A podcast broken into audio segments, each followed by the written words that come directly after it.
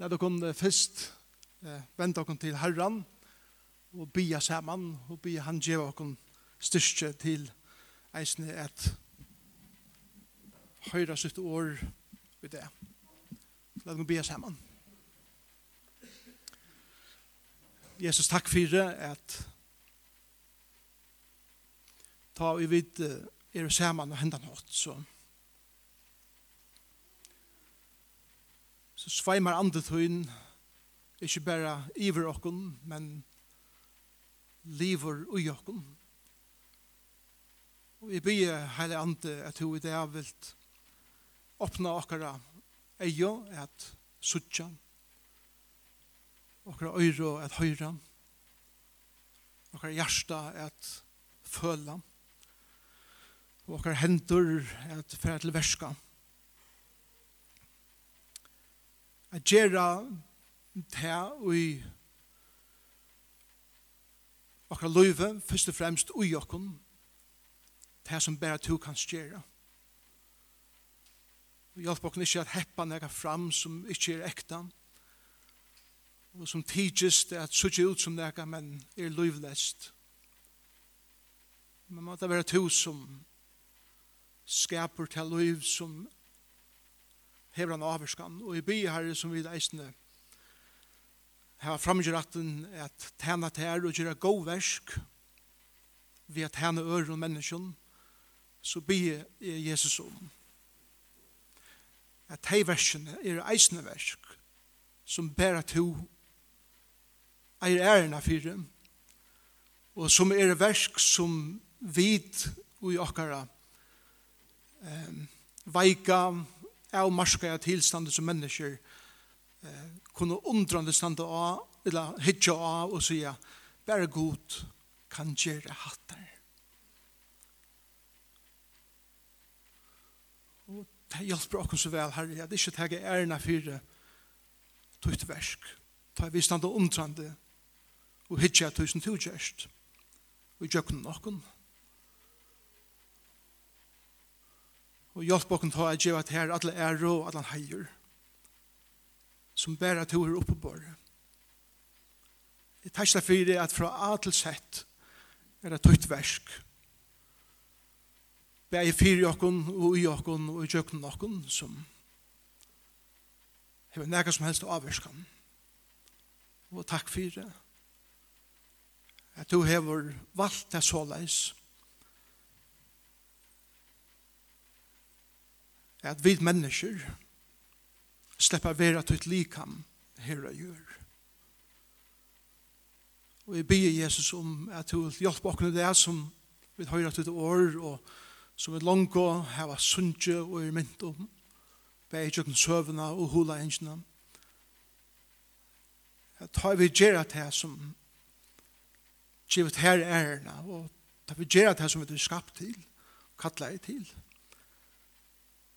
så stendur alt universet omtrande. Ja, tog. Tog, det er ikke vekrere enn at oppleva at menneska gjør det her som det er skapt til å gjøre. Prys og ære ditt navn. Elskar Jesus. Amen.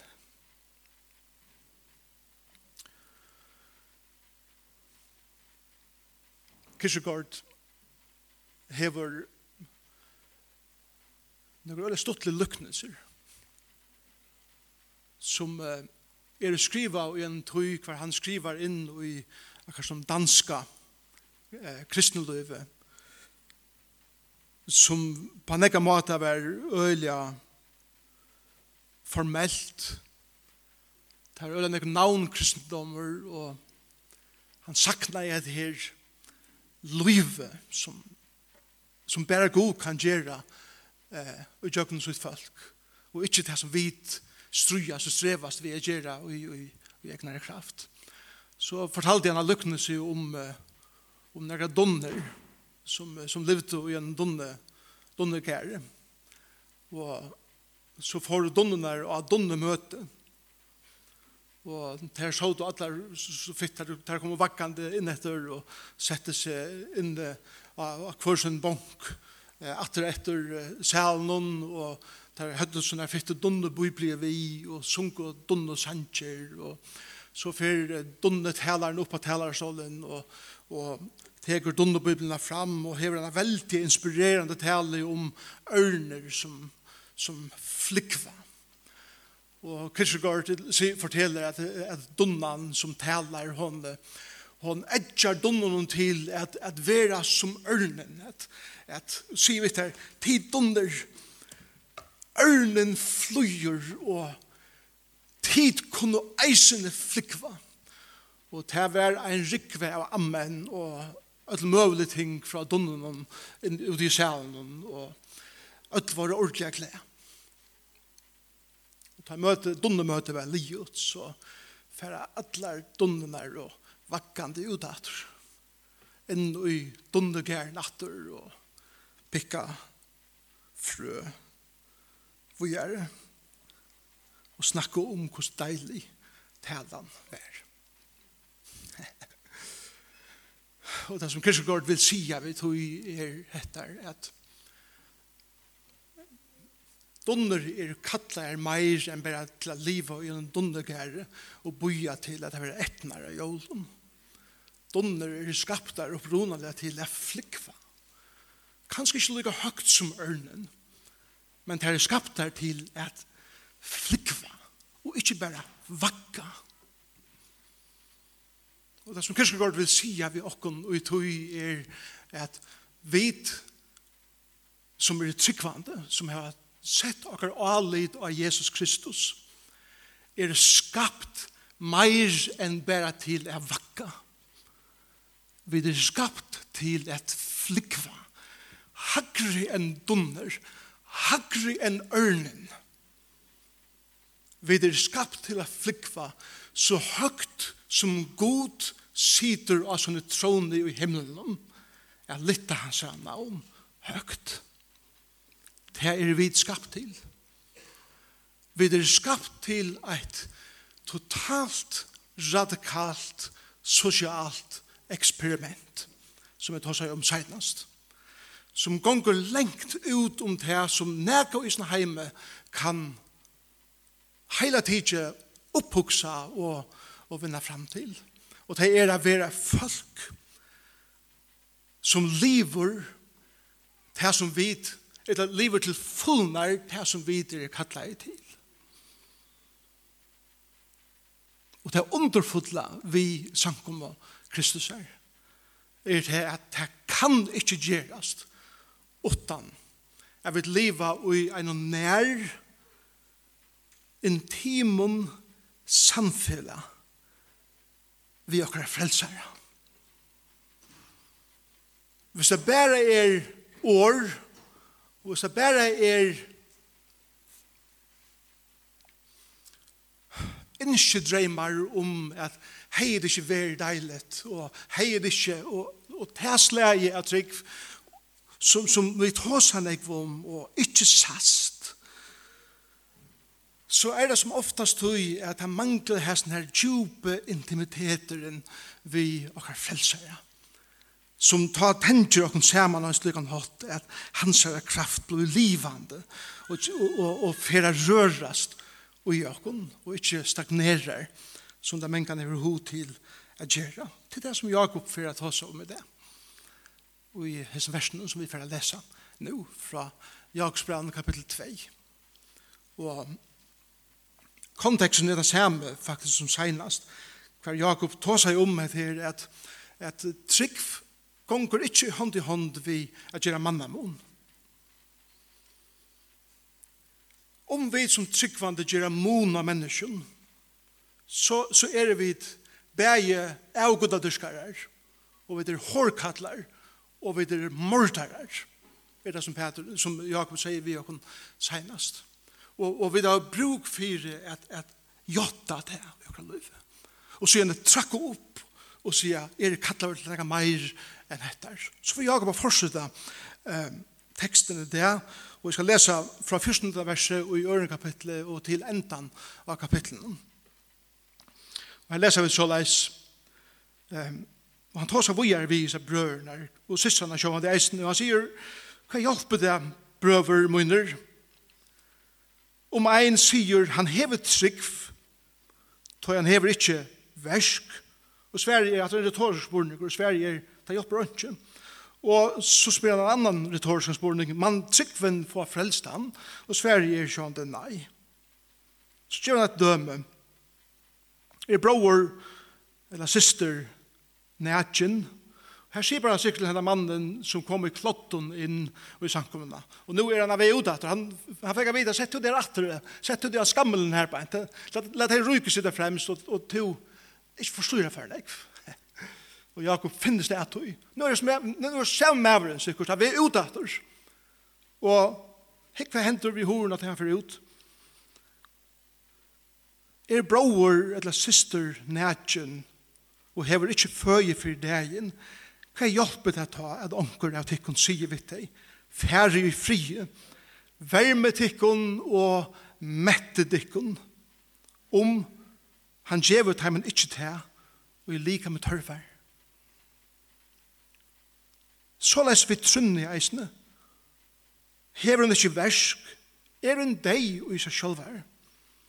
Men sier anker, to hever trygg, jeg hever versk, Vis mer ta trygg tøyna utan versk, så skal jeg vise, eller vi verskun munnen, vise at her trunna. To trust er god er ein, det er just og beint. Hinner ytler andar gjer det samme, og sjelva. Men vil du vite at her, toma menneska, at tryggvinn utan versk, er ånytt. Og Abraham, feir okkara, var han ikke rett for kjørdre verskon, ta han offra i sånn sin Isak og alt herren, to sørst at tryggvinn virka i sama vi verskon hans er, og at vi verskon var tryggvinn fullkommen. Og skriften tjekker ut, som sier, og Abraham troe gode, og det var råkne hånden til rattvøyse. Og han var kallet vår viner, gods. Det er så ikke at mennesker vil rattvøyskjørt av verskene, og ikke av trygg egna. Og samme hatt, Rahab skøtjan, var hun ikke rattvøyskjørt av verskene, ta i hun tog imot sendemannen, og lette færre borster er alene.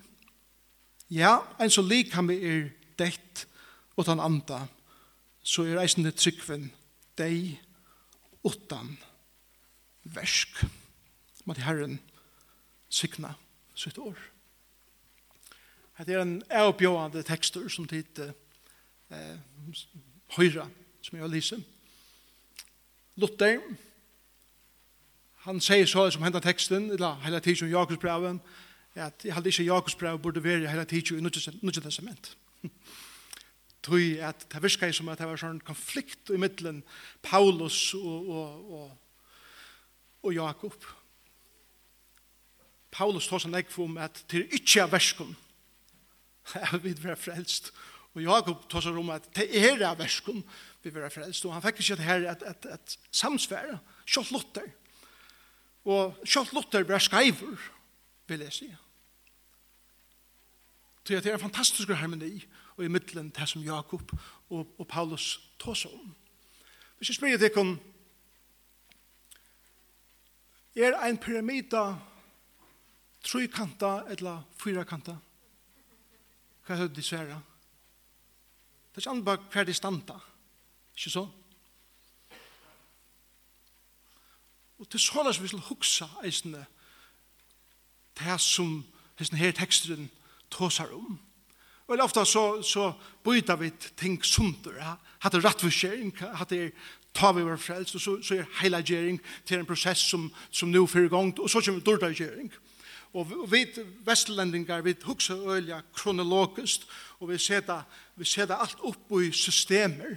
Men, men vi skleima til at Bibelen er en esterlensk bok. Det er ikke en vesterlensk bok. Det er samme som at, at maten at hukse på, maten at skrive på, er en sirkulærer måte at hukse på, at skrive på. Det er samme som at det er ikke alltid kronologi i Øtlund, då man ser heldene av myndene av en søve som vi er fortalt. Og ta og i Paulus tåsar om at Abraham var, var rettforskjørter vid trikv, og Jakob tåsar om at Abraham var rettforskjørt ved verskon, så er det bare tveir imiske mater jeg suttet her på. Ein hekker åmanen fra, og pyramidene fyra kanta, vi Guds eion, hver jeg sier at, at, at det er vi trygg, eller vi alite av hvor god er, hva god er vi gjørst. At han vil bjøre inn i samfla vi herren. Jakob sier at Hatta sama alite som, som byrjar vi Guds verset er nekka som heldur fram resten av livet som god viskar ut her, så at det er skjønnelig ui verskun som vi gjerra ui livet.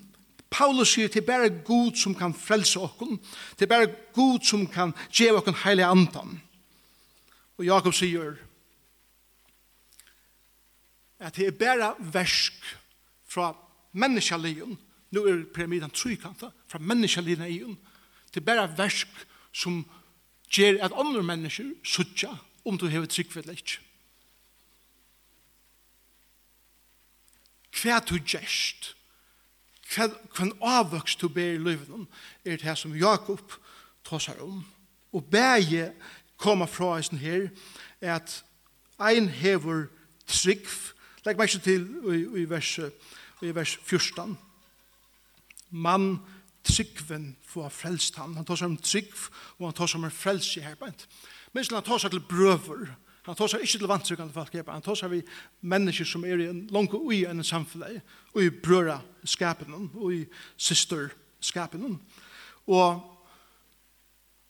han sier, tryggven er ikke tæsleg trygg som vi bærer seg i samband vi at tæsleg av trygg som frelste meg fra en helvete, men Men tryggven er et alit av at god heldur sitt år. Og til alit det, året pistis, er et år som hever ikke bare vi, vi intellektuella tryggva gjerra, men til vi til alit det gjerra som er i kjøkken lenga tøy, og i en endelig samfunn vi god lære å kvila meir og meir og meir og. Og frelsan som man tar seg om i versen er ikke Per som vet men kan halda at ta Bibelen tar som frelse, så er det bare jeg var frelser til under Jørgen Gamal, etla, jeg var frelser fra helvete og, og så videre. Frelsan er en nekst større år enn det. Jeg leser hese vikene at og i gamle testamentet tar jo året frelsa være nytt. Det var nytt, jeg halde det var 876 fyr var året frelsa brukt. Bæra 112 fyr ver til året nytt i samband vi å være frelse fra Guds dome.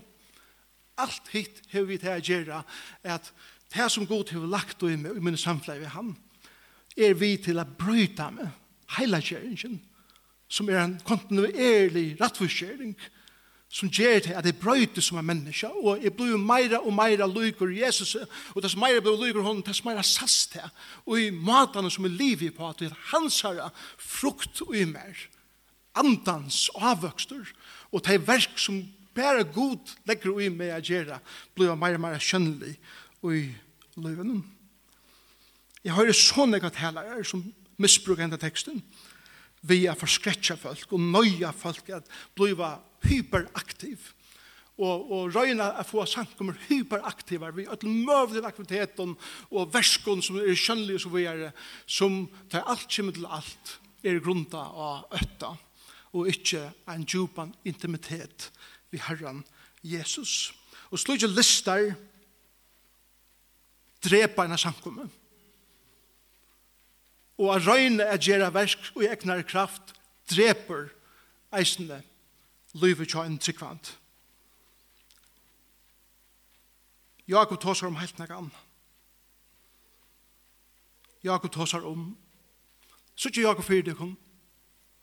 Jakob er sånn her pastoren som kommer inn i hans artikkel til samkommet, at det sier om et bor, brøver og systrar, og han sier, vet du, vil jeg deg fæt, tid er kattlein til nega meir, enn hettar som er suttje uh, utykum beintne, og til gjer manna mun, tid, tid, tid hosa vi folk, og sikna deg, og, og atlastingin her, men det gjer ikke vittig,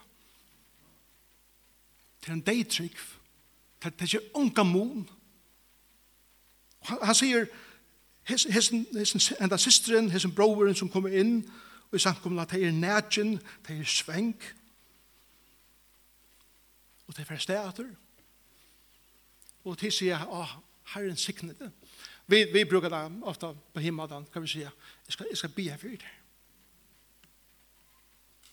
Og det er ordet godt, men det er ikke nok.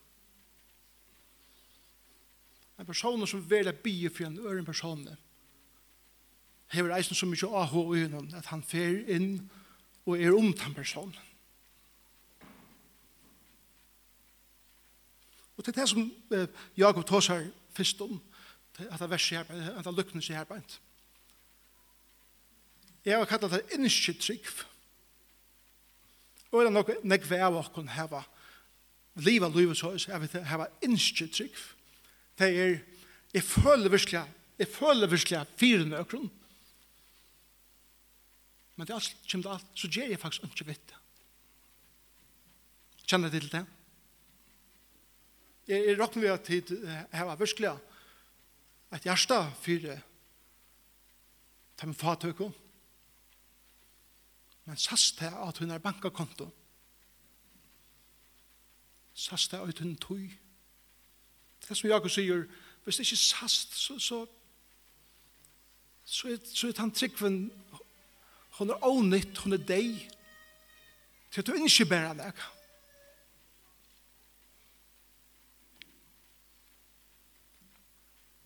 Da jeg var yngre, og jeg var korsan begynte å tale,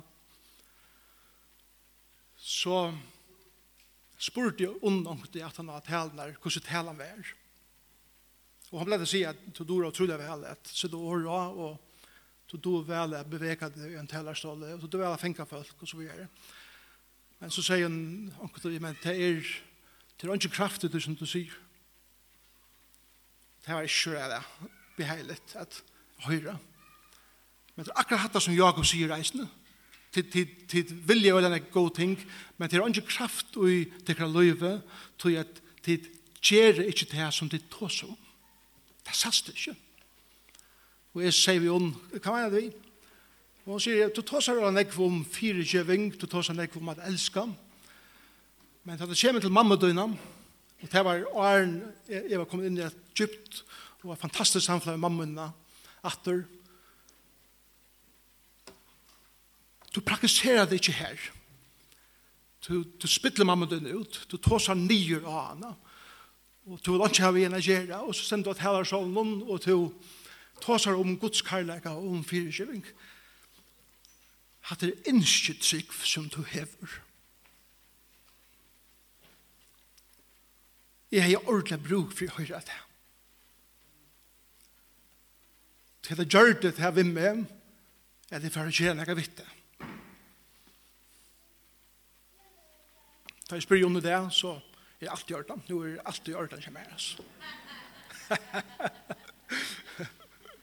jeg mener det. Så Sutja dit. Føla dit.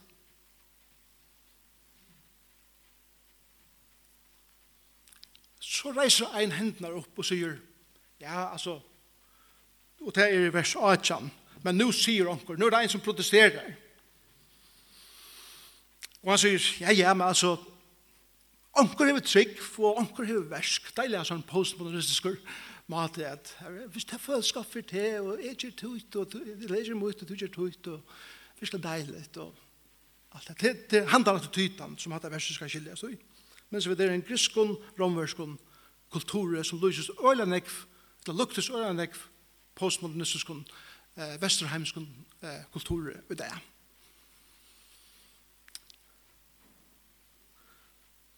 Og så sier Jakob vi han han er intellektuella, sikkert en fariseer, ja, som helst over antallet igjen, som har øyne ekve år, som, har, som er nå hentene i lommene, og gjør ikke.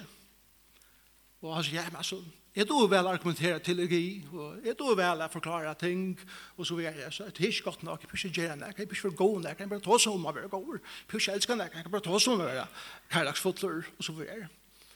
Og, og, og, Og så sier Jakob igjen,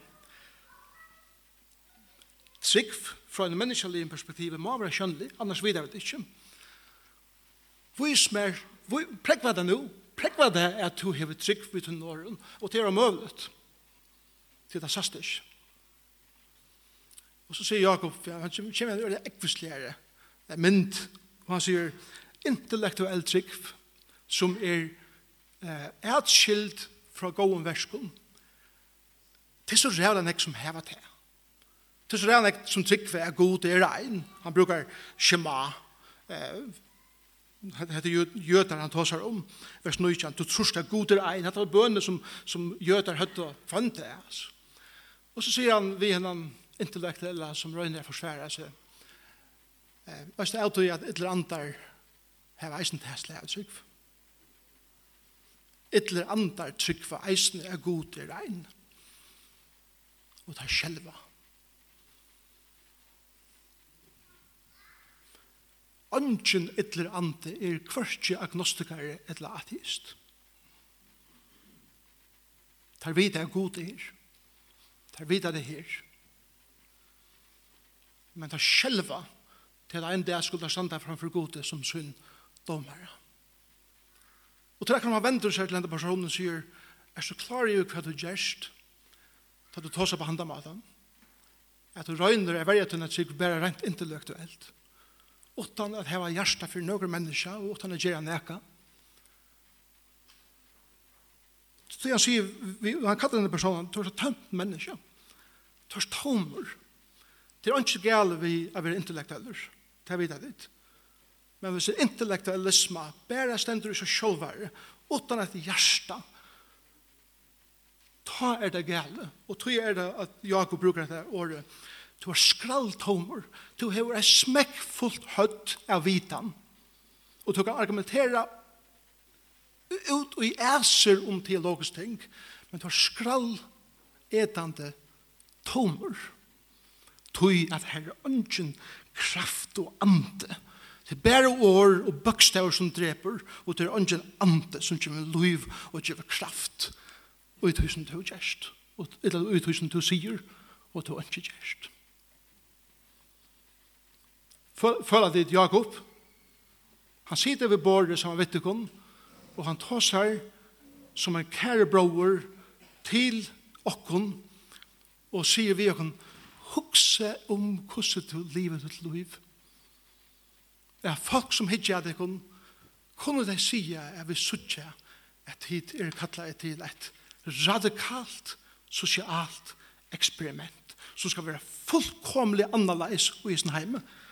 Suttja, suttja deg til, sier Jakob vitt deg. Og til hos Vera, nei, faktisk ikke. Så jeg vet, jeg har glemt. Vi har glemt trunna.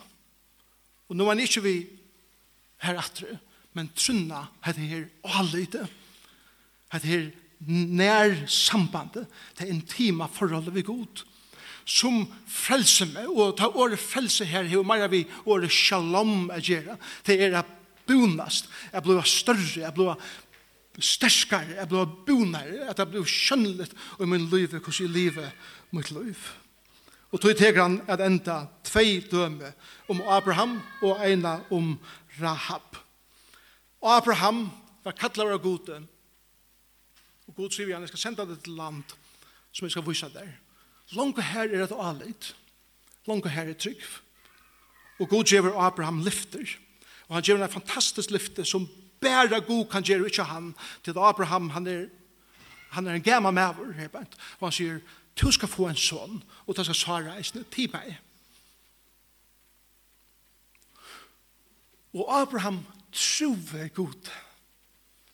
Han leid av at så langt som jeg langt, langt har fyllt vi gode, eller fyllt vi gode, så trygg vi det gode sier hatt av vimme, så får han eisen i et halte hattar. Det var et ivenaturligt lyfte som ikke mennesker kunne gjøre, men god gjør det i jøkken Abraham. Og det sender i kapitel 15 i 1. Mosebok at Abraham troe gode, og det var råkne honom til rattvøys. Så sier Jakob at han rattvøysgjeringen ble vi at liva, alla vegin til at 20 år ginko til, til at Isak var føtter. Og 20 år kanskje træt til hese hendelsene som, som Jakob tåsar om er at han offrei sin son. Eller han var byen at offre sin son og godstekka en sysselød. Ta er det Jakob sier, sutja dit.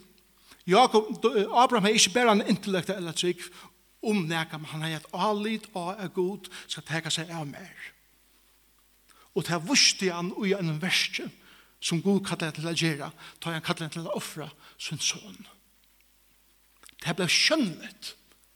Öll så det. Öll leser om hans versk.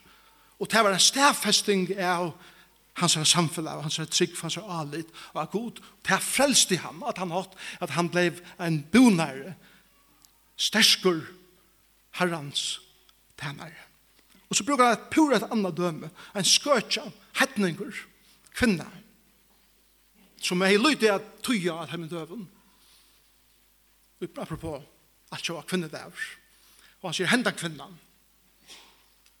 Hon tror god i eisne.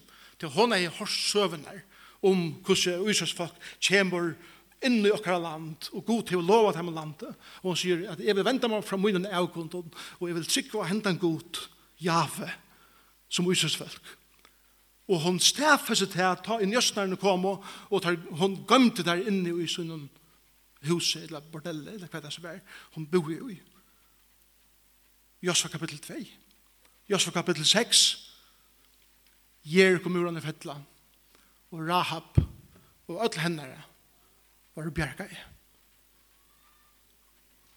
Og Jakob sier, Rahab hei ikkje bare en intellektuell trygg, ikkje bare en innskje trygg, om at hei var deilig bjerga dem, men hon får til verska, og hon gjør det nega vitte, og det var det som eisne bjerga eller frelst i hemma, ta og Jericho murar, fotlo til gjerrar.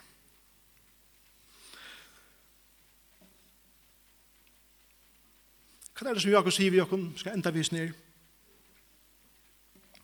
Det som Jakob sier vi okkur er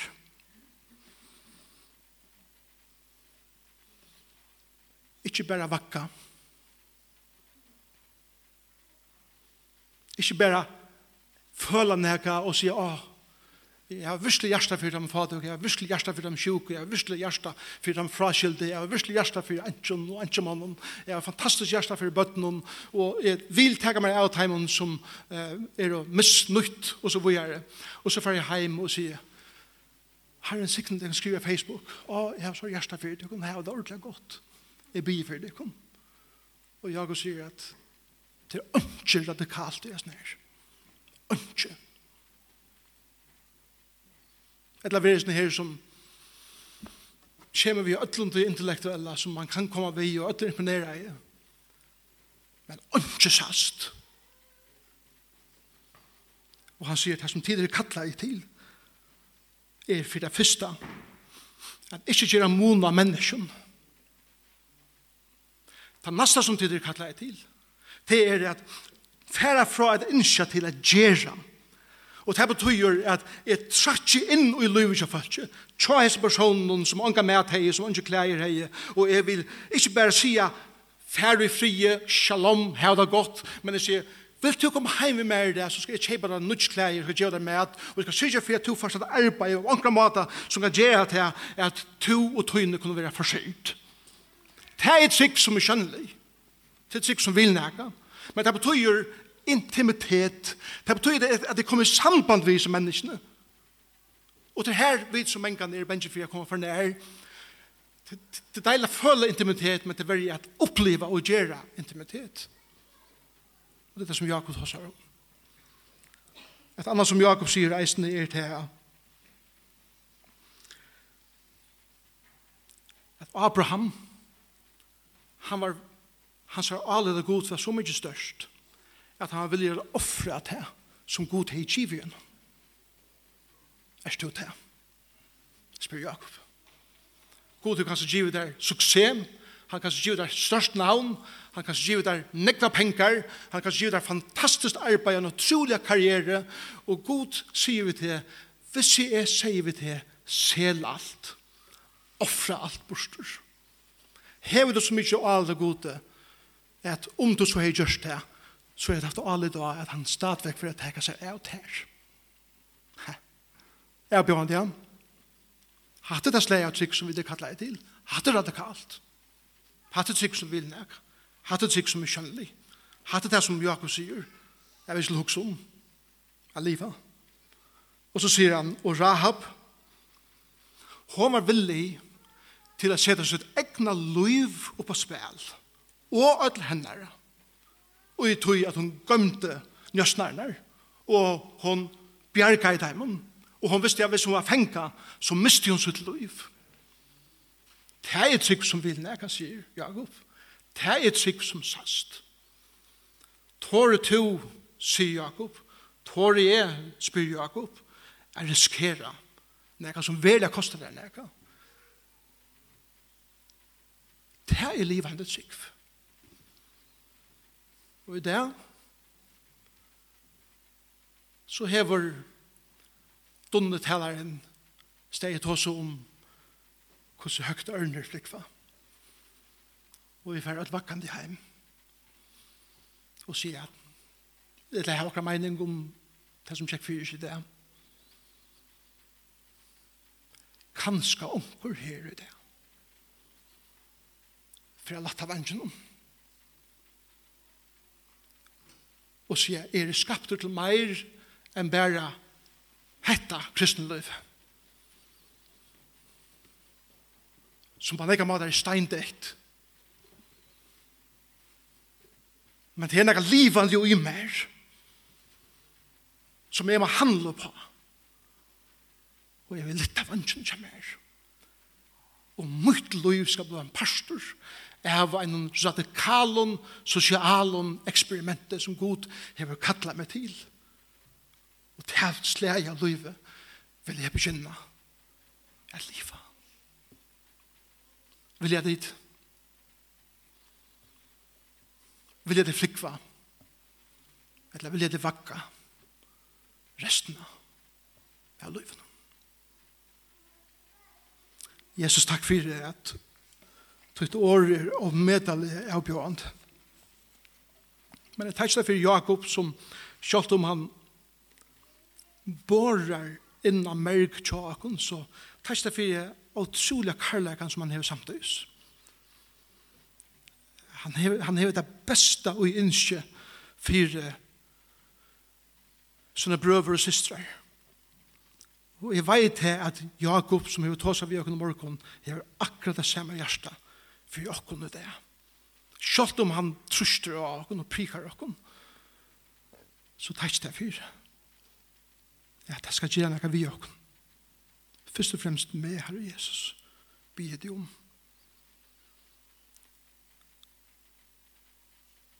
Be hets av vikene er vidt.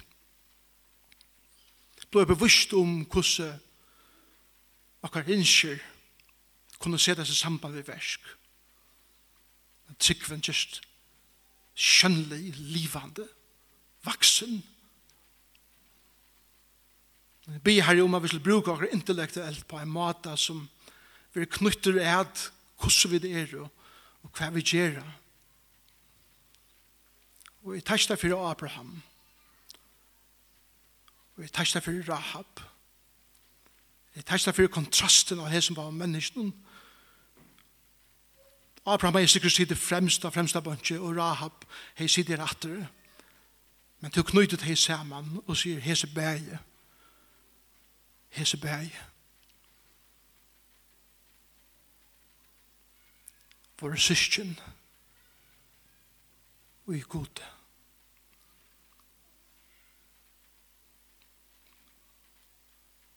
Opplevde jeg å bli intim ved henne og vuste i verst.